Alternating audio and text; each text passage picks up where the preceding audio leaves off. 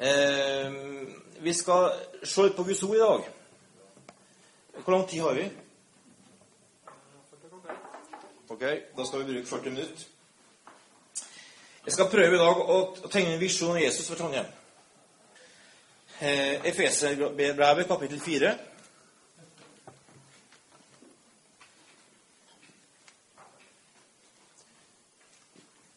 Og vers 1 til vers, til vers 3. Så formaner jeg dere, jeg som er fange Herrens skyld, at dere lever et liv som er verdig det kall dere har fått, i mildhet, ydmykhet og storsinn, så dere bærer over med hverandre i kjærlighet. Sett alt inn på å bevare Åndens enhet i den fred som binder sammen. Nå leste jeg fra den helt nye norske 2011-utgaven, som kom eh, for vel en uke siden. Dette er en eh, kjempegod julegave. Anbefales. Meget god. Mye bedre enn 78-utgaven. Og eh, ja godt, godt norsk. Godt skrevet. Og en ok pris. Du får den fra 200 oppover. Så det her er da den nyeste. Og vi i Norge vil velsigna nummer tre ulike oversettelser som er velsignelse og et lite språk som vi har. Det, det er bra. Det er alltid nyanser. Så det Paulus sier her, da, det er at eh, de har et tall i Efesus som gjør at han eh, sier at dere må le for det kallet dere har fått. Og For han så betyr det altså at de skal leve i mildhet, ydmykhet og storsinn. Så dere bærer over med hverandre i kjærlighet. Sett alt inn på. Sett alt inn på. Så det her er noe som Paulus sier. Hør nå her. Det her er kjempeviktig. Og framfor alle ting, sett alt inn på. Sats maksimalt på å bevare åndens enhet i en fred som binder sammen. Og da blir det et enkelt eh, spørsmål hva slags kall snakker Paulus om her? For han har et kalles som ikke er mitt kall, men vårt kall. Som de hadde som kristne i Efesus, som var mange tusen. Vi her er jo en liten, en liten gruppe. Her snakker vi om en svær menighet i en metropol i dagtidens Roma. Så la oss ta en titt på det kallet. Og for å finne kallet så må du gå til apostelgjerningen 9. For der får du Paulus sitt møte med Jesus servert, og som for han ble en livsforvandlende sak. Og Jeg skal ikke lese alt det der. Jeg skal bare referere til det. Det er Paulus da som er på tur til Damaskus fordi at han er en ivrig Guds fariseer og har ett ønske det å knuse Jesus-sekta. Han har allerede vært med på å steine Stefanus. Og eh, han eh, har fått beskjed fra øverste religiøse myndighet om at han kan få lov til å fengsle alle kristne og skremme vannet av dem, slik at han får stoppa det greia her. Er noe som vokser, her er noe som brer seg ut, her er noe som utvikler seg veldig fort. Så han er på tur sammen med en gjeng andre. For i datidens eh, Romerrike så var det slik at hvis du spilte på lag med Romerriket, så ble religiøs og åndelig makt og, og, og, og myndighet fra romerne samla, blanda. Det ser du med Paulus der, og det ser du med Jesus i korsfestelse. Så det, det her kommer de med makt og myndighet til å ta de kristne. Og plutselig, på tur inn til Damaskus, så detter den sammen. Fell på kne. Ligg flat. Han møter Jesus, som sier til ham, 'Saul, Saul' Det var før han ble kalt Paulus. 'Hvorfor forfølger du meg?' Og han ligger da langflat der. Må få hjelp til å reise seg opp og må bli støtta inn til Damaskus fordi at han har eh, fått synet sitt ødelagt og slått til bakken. Og han sitter da i Damaskus i tre døgn. Han verken spiser eller drikker. Og han bare sitter der blind og venter. Han har fått beskjed om, av Jesus der om at han skal vente. Og så eh, går det tre døgn.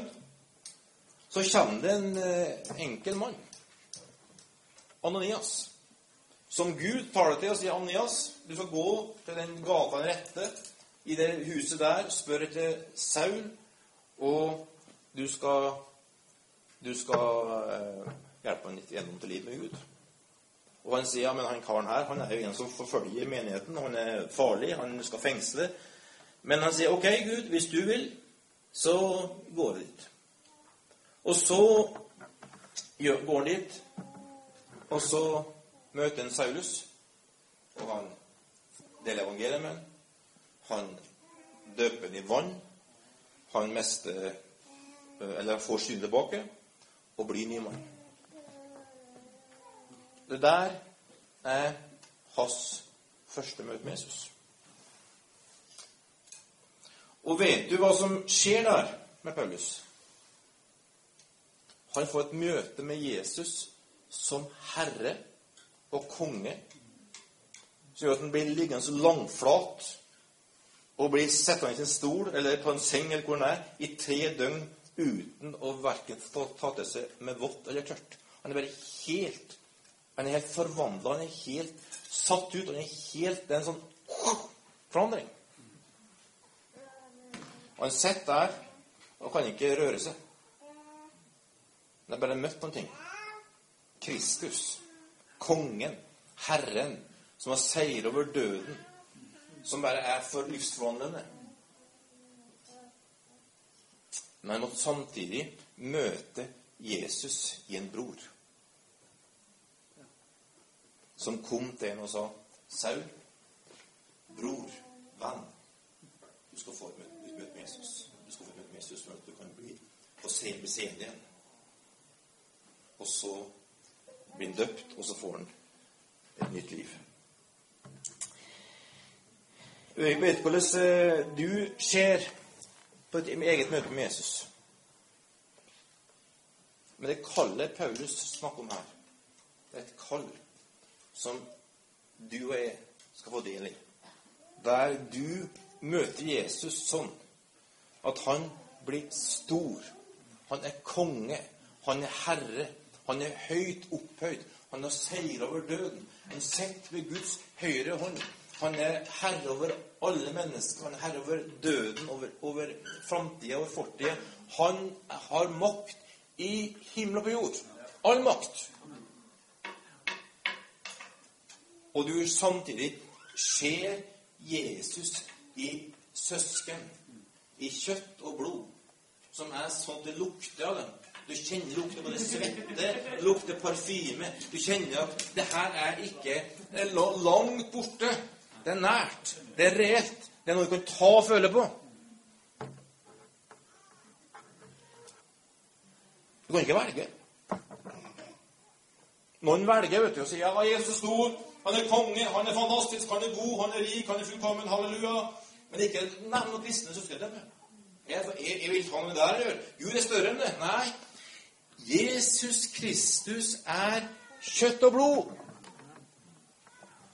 Og den visjonen her som er så stor, så høy, så vid og så brei, og så nær og så reell og så virkelig at du kan ta og føle på det det er et kall som Paulus snakker om her, som forandrer verden. Og det skjer i hele Bibelen. Jesus er løven på Juda. Det skjer i åpenbaringa, hvor han snakker om Jesus som løven, som er konge, som roper, og folk bare ligger flamflat. Han er lammet som er slakta, som er ydmyk som er lite å se til, som virker puslete, men som samtidig er livets realitet. Du ser når Jesus ble født. Han ble født i en stall. Han lå i troa der folk der folk der oksa og spiste Halm og høy. Det lukta fjøs der. Det var trekkfullt der. Det var ikke spesielt, spesielt femstjerners hotell der. Det var veldig enkelt. Men samme natt På himmelen var det en hærskare av engler som sang og lovpriste Gud og sa Ære være Gud det høyeste, og fred på jorden. Det var ikke enten-eller. Det var en stor visjon. Gud griper inn. Det skjer noe i himmelen, og det skjer noe på jord. Og det er det her som forandra Paulus sitt liv. Han, han, ble en gud Han, han ble, en, gud, han ble en, en, mann som fra da av eh, tenkte annerledes. Han, han kan prise Gud, love Gud, ære Gud i brevene sine. Så driver han og syr telt for å holde liv i seg sjøl. Svette. Det er varmt, vet du. Det er varmt. Kan svette, tørke seg, syr telt. For han har et team av folk som han skal prøve å holde, holde liv i. For han ville ikke legge, legge mentene byrde. Så legger han fra seg det her håndklærne og de her lommetørklærne han kan bruke av, av sånne greier. Så kommer folk borti dem. Det blir helbreda der og da. Salvelse. Visjon. Kjøtt og blod. Det var ikke en fin, hvit, liten sak som du tok fram og hev litt olje oppi, fra, som du ikke aldri brukte, og så tok du og sendte posten eller la på en ting, sånn religiøs relikvie som vi holder på med her i Norge. Det var disgusting, det forholdet. Her var kjøtt og blod. Det var svette. Det var hardt arbeid. Det var skikkelig Kristusliv. Det er mer salvelse i arbeidskaren din. At folk tar på det sier 'Du kristne, du som jeg tror på Jesus, eller?' 'Oi sann, hva skjer her?' Guds kraft. Det er kristendom, det. Ikke religiøse greier som langt borte, fjern fra virkelighet. Det er en visjon av Jesus som er så høy, så stor, som er sånn konge, men som er reell, nær, virkelig. Kjøtt og blod. Velger du, får du trøbbel. Klarer du å favne det, da skjer det noe av Jesus som er fantastisk. For Du får bort alle de her paradoksene i livet. Du får bort alle her, de her motsetningene i livet. Du får bort det her ja, nei, hvorfor, hvorfor ikke. Du får bort alt der. Du får en helhetlig forståelse som er fantastisk.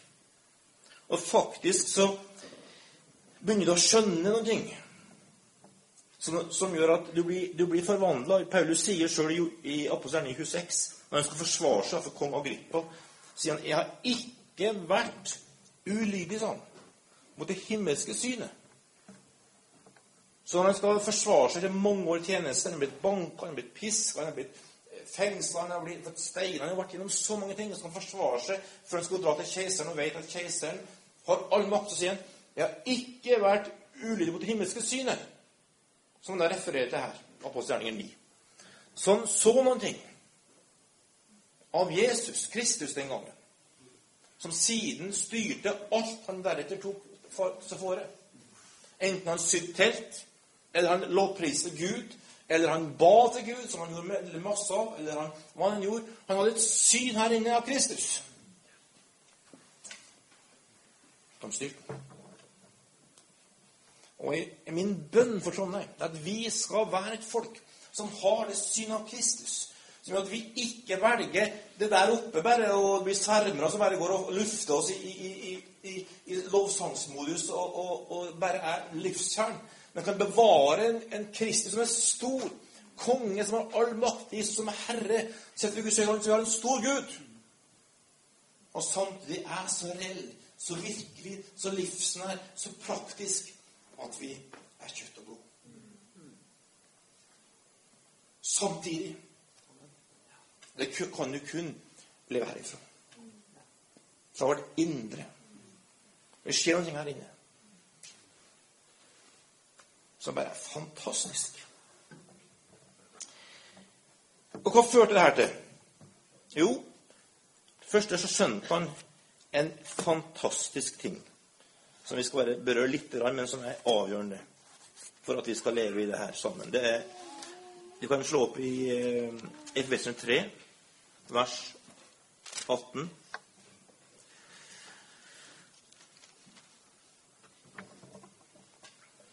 Det, er, det står altså eh, Vi kan ta vers 17, bare for sammenhengen. Der driver eh, Paulus og ber for Efeserland, og så sier han der i vers 17 Må Kristus ved troen bo i deres hjerter, så dere står Og dere ja, Jeg må lære meg å lese nyoversettelsen. og dere står rotfestet og grunnfestet kjærlighet. Må dere sammen med alle de hellige bli i stand til å fatte bredden og lengden, høyden og dybden, og kjenne Kristi kjærlighet som overgår all kunnskap. Må dere bli fylt av hele Guds fylde, Han som virker i oss med kraft og kan gjøre uendelig mye mer enn det vi ber om forstår. Så det Paulus egentlig sier, og som er en hemmelighet, det er at det er kun sammen med alle hellige vi fattig hele Kristus. Han sier 1. Korinterbrev 12, 27 Kan jeg slår opp der òg, bare for å ha det. Eh, ha det svart på hvitt. Første Korinterbrev, kapittel 12, vers 27. Dere er Kristi kropp, og hver av dere er lem på ham. Og det der er et utrolig utsagn. Hvis det er sånn at det her er sant, hvis det er, hvis det er en visjon du har, så får det radikale konsekvenser. Fordi at da forstår vi at Kristus kan jeg få, få tak i, skjønne, leve i, erfare, fungere sammen med gjennom mitt personlige med Gud. Men jeg faktisk trenger lemmer eller kroppsdeler, eller hvordan brukes det nye her, da? Ja, lem står der. På ham. Altså hver enkelt representerer Kristus. Så det vil si at hver enkelt av oss som er her inne, som tror på Jesus, representerer ei side av Kristus. Som gjør at den enheten som Paulus ber om i kapittel 3 her, vers, eh, som sier 'sammen med alle de hellige', blir i stand til å fatte bredden og lengden, høyden og dybden.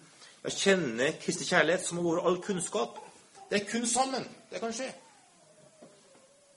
Så når, når da Paulus sier her i, i Efesene 4 at vi skal forhold til kallet vi har fått, fordi, sånn at vi kan bevare åndens enhet i mildhet og ydmykhet og storsinn, så det er bare over med hverandre i kjærlighet, så vet Paulus veldig godt at utfordringa er faktisk ikke det der.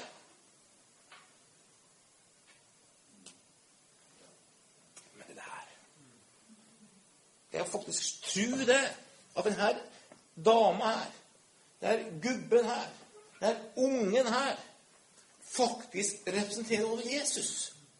Er lem på hans kropp som gjør at skal det bli en bredde og en høyde og en lengde og en dybde i Jesus, så trenger de folka her, som ikke liker det jeg liker, som ikke mener det jeg mener, og som ikke har samme som jeg har. Man har kanskje ikke noe samme språk, eller samme hudfarge, eller samme interesser, eller hva som helst, men de representerer Jesus. Wow, wow, wow. Og hvis jeg har en visjon der, så må jeg si ok, jeg skal være ydmyk, jeg skal være mild, jeg skal være, ha stort sinn, jeg skal være overbærende i kjærlighet, slik at jeg kan bevare åndens enhet. Hallo! Hei! Hei! Vi er ett pga. Han. Det der er krevende. Det er kun en grad vi lykkes der, at for en plass i Trondheim by. For det er mange i Trondheim som vil si vi tror på Jesus, vi er søsken, halleluja, amen, takk og lov. Og vi definerer oss i forhold til dere. Vi er sånn, ikke sånn. Vi er slik, ikke slik. Vår definisjon handler kun om hvem er han? Vi nekter på å gå inn i den definisjonen. Ja, men du er slik. Ja, men er slik. Nei. Min definisjon er Kristus er konge. Han er oppstått.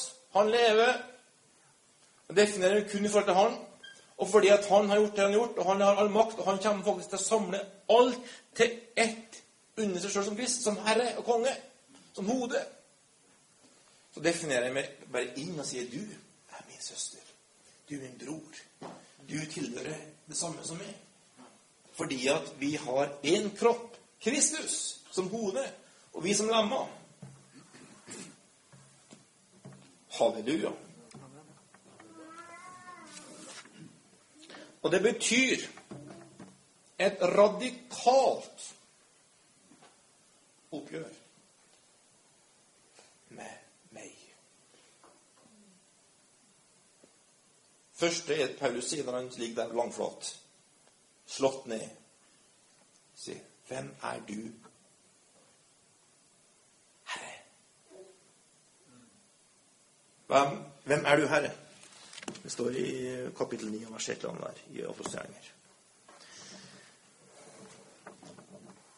Og, og det der er en utrolig hemmelighet.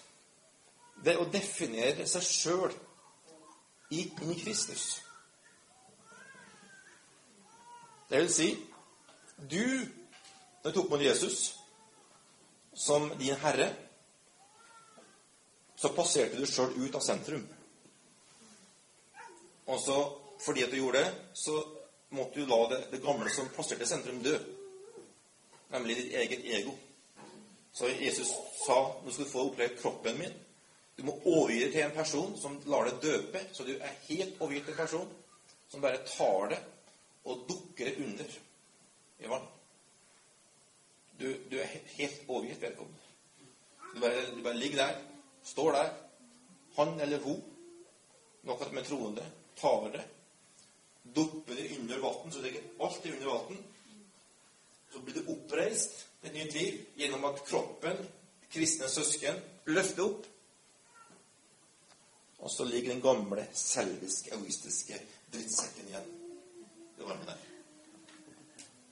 Halleluja. Og så får du Den hellige ånd, som gjør at det som er det nye livet her, blir sterkere og, og, og mer, mer, robust enn det som er der ute. For du fra da av slutter å leve ut fra burde, skulle, måtte, krav forventninger, men du begynner å leve ut et liv fra Jesus. Det er en radikal forandring. Et fantastisk liv. Der du slapp å tenke ja, de, burde, de synes det, ja, de synes det, og han mener det, og hun mener det. Håndtaket i ryggen, det forsvant i dobbeltsgravet. Halleluja. Det er ingen som står der og holder der, nei. Du har fått én ny herre. Ikke mange småkonger. Ny herren er Jesus. Jeg har flytta inn her. Eneste han sier, du fått med som herre, fått mange nye søsken. Og så alt annet håndtak borte. Det kan være litt tøft både for svigers og foreldre og andre søsken og andre familie og andre ting. Men det er en befrielse å si Åh, oh, Jesus Herre, vær én Herre. Konge. Og så får vi da et skikkelig opplegg med å leve for Jesus. Og det er der vi er akkurat nå, i vår del av uh, Guds rike nå. La oss lese Kolosserbrevet kapittel 2. Kapittel 2, vers uh, et kvarter. Kvart, uh, ja, 2-6. Dere har tatt imot Kristus Jesus som Herre. Lev av ham. Vær rotfestet i ham. Bygd på ham. Hold fast ved en tro dere er opplært i, med overstrømmen takk til Gud. Pass på at ingen får fanget dere med visdomslære og tungt bedrag som stammer fra menneskelige overleveringer og grunnkreftene i verden, og ikke fra Kristus. For i hans kropp bor hele guddomsfylden, og i ham som er hodet for alle makter og åndskrefter, har dere fått denne fylde. Så her ser du Paulus. Han er som bare så opptatt av én ting. Hallo, folkens. Nå har dere tatt imot. Nå har dere kommet inn i Jesus. Nå er dere ferdig med deres eget eh, selviske liv. Nå må dere ikke gå tilbake. Ikke begynne å herje på igjen nå. Ikke lev i Han. Vær rotfestet i ham, bygd på ham, hold fast på en tro dere er opplært i. Pass på at ingen får fanget dere. Altså, Det er alt det livet her med Jesus. blir sterkere enn alt annet. Så ikke vi igjen begynner å tenke ja, hva synes de, hva tenker de, hva passer bra nå hva, Det horisontale styrer ikke. Det er livet med Jesus styrer. Så begynner vi å leve ut fra det. Og det livet er fantastisk. Det livet bygger. Det livet skjer behov. Det livet utruster. Det livet gir. Det livet skaper familie. Det er noe helt, helt annet enn en organisasjon eller roller eller alt det som andre ønsker å bygge, og som ikke Jesus er. Jesus er en kropp som du er en del av. Så vi er ferdig med alt ytre ting. Hvis du vil feire jul kjempebra. Hvis du ikke vil feire jul helt ok. Det er en sak mellom det og Gud. Ikke bry andre mer.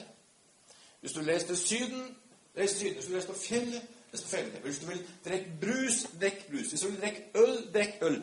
Men la det være en sak mellom det og Gud. Ikke la det være andre inni det. Ta vare på det viktigste. Alt, som, alt ytre ting som lager et skille mellom mennesker som ikke er Kristus, er øksa på. Det vil si, vi defner oss ut fra Jesus. Ikke ut ifra ja, han liker det, og de er sånn, og de er slik, så de er ikke en del av oss. De, de, de uh, spiser sånn mat, de drikker sånn drikke, de har sånn feiring, de har sånn språk, de har, de har sånne interesser, de er sånne fan, de er sånn musikkinteresse. Alt sånt bort.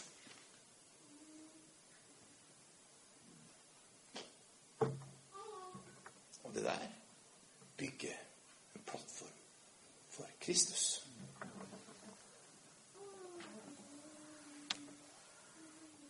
Altså Merk at det livet her får fokuset bort fra hva du ikke lykkes med, hva du lykkes med. Fokus bort fra hva du definerer selv i forhold til andre, hvordan du er, og hvordan de andre er. Du får et fokus på Jesus. Sånn at du begynner å finne hverandre ut fra hvem Jesus definerer oss som. Ikke ut fra prestasjon, alder, kjønn, interesser. Men det blir Kristus. Og da vil et himmelsk liv defineres og erfares. Da kommer Guds rike her. Og det er utrolig attraktivt. Det er utrolig spennende. Det er utrolig givende. Er utrolig artig. Det utrolig Framtidsperspektivet er fantastisk!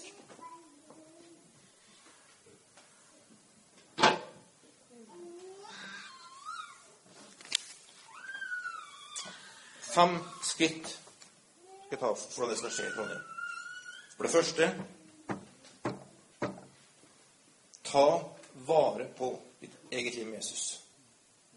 Så sterkt at du aldri blir en kasteball for andre ting. Det vil si, når du begynner å definere deg sjøl og begynner å si ja, jeg passer ikke, jeg, jeg, jeg holder ikke mål, det er ikke nok ditt, det er ikke nok datt, det er ikke for lite sånn, det er for litt dårlig sånn da finnes det kun én løsning. Mer av Han. Du kan slåss mot dine egne følelser, kan slåss mot dine egne meninger, man slåss mot all verdens ting. Man har inni dialoger her inne der du tenker og vurderer ting. Du blir sliten og trøtt. Det fins kun én vei. Mer av Jesus. Han løfter alltid opp han gir alltid liv, han kommer alltid med nåde, han kommer alltid med fred. Han gjør alltid det at du kommer et nivå over det her greia her. Så slutt å slåss med deg sjøl. Slutt å slåss med dine egne tanker. Slutt å slåss med dine egne eh, prosesser. La det ligge. Du slåss med feien, blir du svart. Hvis du bare får eh, fylt Jesus, så blir det løfta ut opp. Og der må vi, der må vi bryte tankemønster. Andre kor 11 sier eh, sier Paulus at 11.2 Jeg forlova dem med Kristus, han. Kun han. At du skal ta vare på den rene hengivenheten til Jesus. For alle her har opplevd at når du kjenner den Jesus-begeistringa, kjenner Jesus Å, Jesus, du er god. Du har frelst meg. Du har ført meg ut av døden. Du har satt, satt meg over i ditt liv. Du har, du har ført meg bort fra synd og forbannelse. Alt det der kjenner du bare Å, det er godt. Å, du, livet er bra. Du merker hvordan her skaper noe her inne.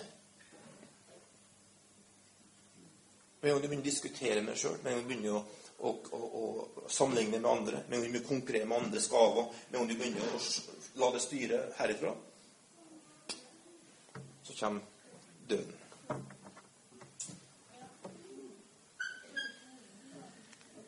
Så Kolosserne 3 sier altså at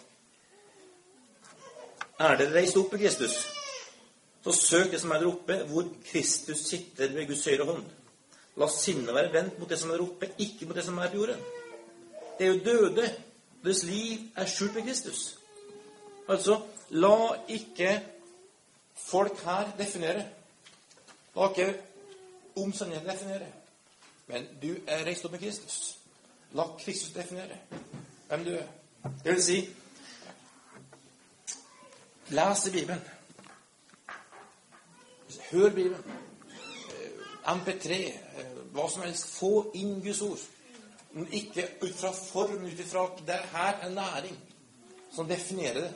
Som skaper, som gir, gir noe, uavhengig av hva du føler. Eh, og, og lære det til for et bønnerød der du prater med Jesus.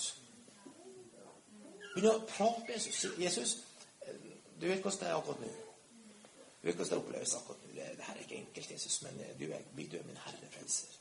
Begynn å oppleve ære for denne relasjonen med Jesus, der du samtaler med Gud. Der du, der du øser hjertet ut for Gud. Der du lovpriser Gud ut i bønnelivet til å bli både takk og lovprisning. Der du øser hjertet ut med gråt. Der du, der du samtaler med Gud.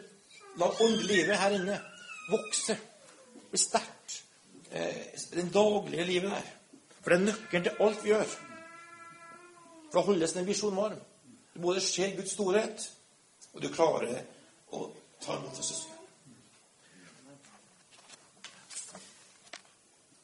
Det andre skal være kjapp på det. Lev så nært andre at du hele tida opplever Anias.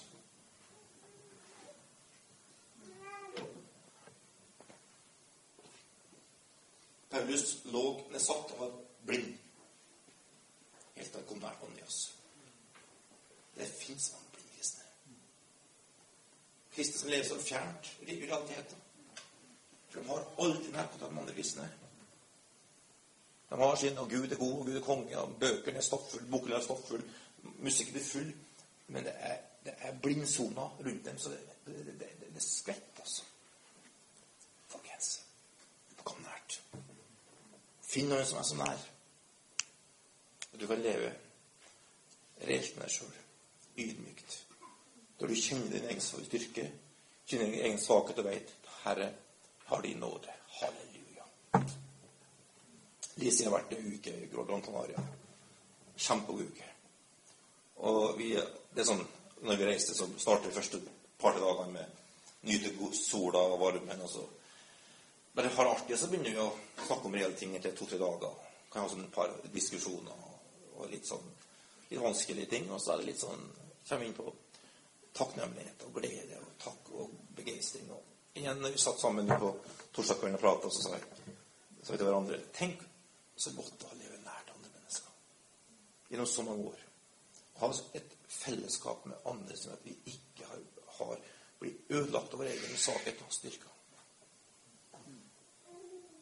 Det er krevende, ja. Ydmykende, ja. Men det er livgivende.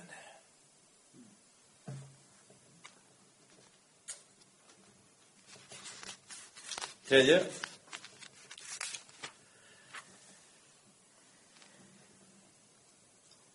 Se Jesus slik at du gir Jesu kropp. Ordet forpliktelse. Ordet pakt. Det er kjempegode ord. Er sånn eh, aller automatisk sak. Det er ikke noe action her. Sånn er det. Vi ser nok. Det her er altså eh, Tilbake til snakka om i stad, om Manias. Altså, du, du, du, trenger å, du trenger å leve så nært og reelt at den visjonen din ikke bare blir høyt der oppe, men blir kjøtt og blod her. Og, og, eh, og det, det, er den nøkkelen å skjønne at hver enkelt lam på Kristi kropp representerer noe for Jesus. Ja, vi skal gå videre. Det fjerde det er at vi, vi skal ha samlinger i Trondheim som er sånn at Jesus blir løfta opp forkynt som konge av den byen her. På en, på en dimensjon som heter Den hellige for frihet.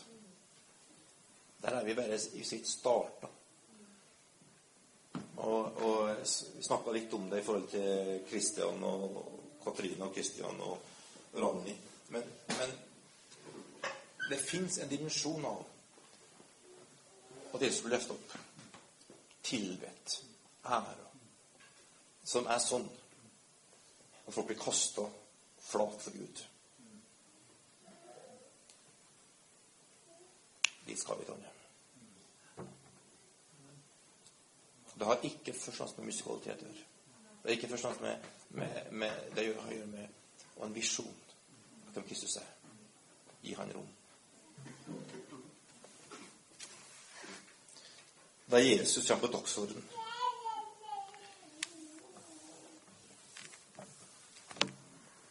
Det vil si at vi må ha samlinger som at vi er så nær at vi kjenner lukta av hverandre. Reelt. Vi skal ha samlinger som er så prega av Guds, Guds storhet, Guds allmakt, av kongen, at folk faller på jordet, faller ned på bakken og sier 'Sann Gud er. Den bredden. Det siste Det er mest utfordrende, tror jeg, på sikt, men som vi skal inn for å lykkes. Det er at vi skal ha en, et uttrykk av Jesus kjøtt og blod i våre liv. Som gjør at hvert et område i byen her er berørt av Kristus kjøtt og blod. Teater, musikk, skole, helsevesen, media. At det, at det bor, lever folk i denne byen her, og i hver by i Norge, som har Jesus, en visjon av Jesus som er sånn at når du har vært i nærheten av PC-en din og jobba, så ligger nå gjennom Kristus der. Folk er ikke uberørt. Folk er ikke uberørt. Det har med visjon å gjøre. Jeg jeg, jeg berørte litt der sjøl. Jeg var i Telenor. Eh, som var bare Det var bare var Gud som ga, ga der uten at jeg skjønte sjøl. Ved, at, ved at de på et sånt uh, avslutningsfest spøka med at de kunne bare gå til meg og bli bedt for når de var sjuke. Sånn julefest, sånn jule, julebord. Eh, for en Terje trodde jo på en gud som helbreder. Det var, sånn, det var sånn en sketsj. da, En stor sketsj. Folk flirer og herjer på det der. Og jeg tok det som med godt humør. Syntes det var jo artig at det ble spøka med. Men det påfølgende året så begynte folk å komme på kontoret og bli bedt for. Så, så er jeg sånn mirenedag. Jeg trenger, trenger å gå hjem. Men, eh, men du ber vel til Gud? Ja, sa jeg. Og det kulminerte når jeg ble spurt om å komme på en sånn, eh, sånn lederkonferanse for, eh, for Telenor-folk på Pers hotell på Gol med 500 stykker for å ha en avslutning på søndagen. De, de, de ønska sånn sakral avslutning. Og jeg, jeg skjønte ikke hva det var for noe før jeg måtte spørre. da. Men det var et privilegium da, å stå framfor alle Telenor-lederne i Norge. En avslutning og forkynne Jesus. Så ta vare på relasjoner horisontalt. Ta vare på relasjoner vertikalt. Nøkkelen er Jesus. Nøkkelen er tilgivelse. Og jeg tenkte hm, herre, Så når jeg, Jeg slutta i Telenor. begynte i Guds rike, så var jeg kjempe... Ja, det var feil. Slutta i nord og begynte i Hjelmøy. Hæ? I nettverk. Godt dere er våken. Halleluja. Det er godt tenkt. Så var det faktisk med en sånn blanda følelse. Det var, faktisk, det var sånn hm, Herre. Å, Herre. For at du hadde, en, du hadde en berøring av folk. Du hadde en berøring av mennesker. Du møtte folk som du bare visste Det her folket her ingen. Jeg hadde en som vi snakka om før, en som var markedsdirektøren i Telenor Media. Han, han tok meg som Terje. Jeg har aldri kjent en kristen i hele mitt liv. Jeg må ta opp kristenmannens blod. Han var litt eldre enn meg den gangen. Han har vokst opp i Norge, studert to år i utlandet, ellers vært Norge hele liv. Jeg kjenner, kjenner ingen kristne. Oppvokst i Bærum. Norges minst kristne plass. Guds Ut. oss. Det vil bære med oss her inne. En visjon som er så stor at Gud er konge. Alt er mulig. Vi er så nær at som arbeidstakere, som ledere, som ansatte, så er vi vet du hvem vi er. Vi er trygge på oss sjøl. Vi vet våre sterke sider. Vi vet våre sider. Vi er ikke, vi er ikke zombier. Vi er ikke, vi er ikke dumme. Vi er ikke, vi er ikke fjerne. Vi er livsnære. Vi er praktiske. Vi er, er nøkterne. Vi er, vi er fulle av tro. Vi er kjempemasse kjøtt og blod. Troverdige folk. Så at folk sier 'hallo'. Her kan jeg få finne vei. Og vi skal se det her inn i Norge, inn i byen vår. Men Jesu identitet som er det forandrer byen vår.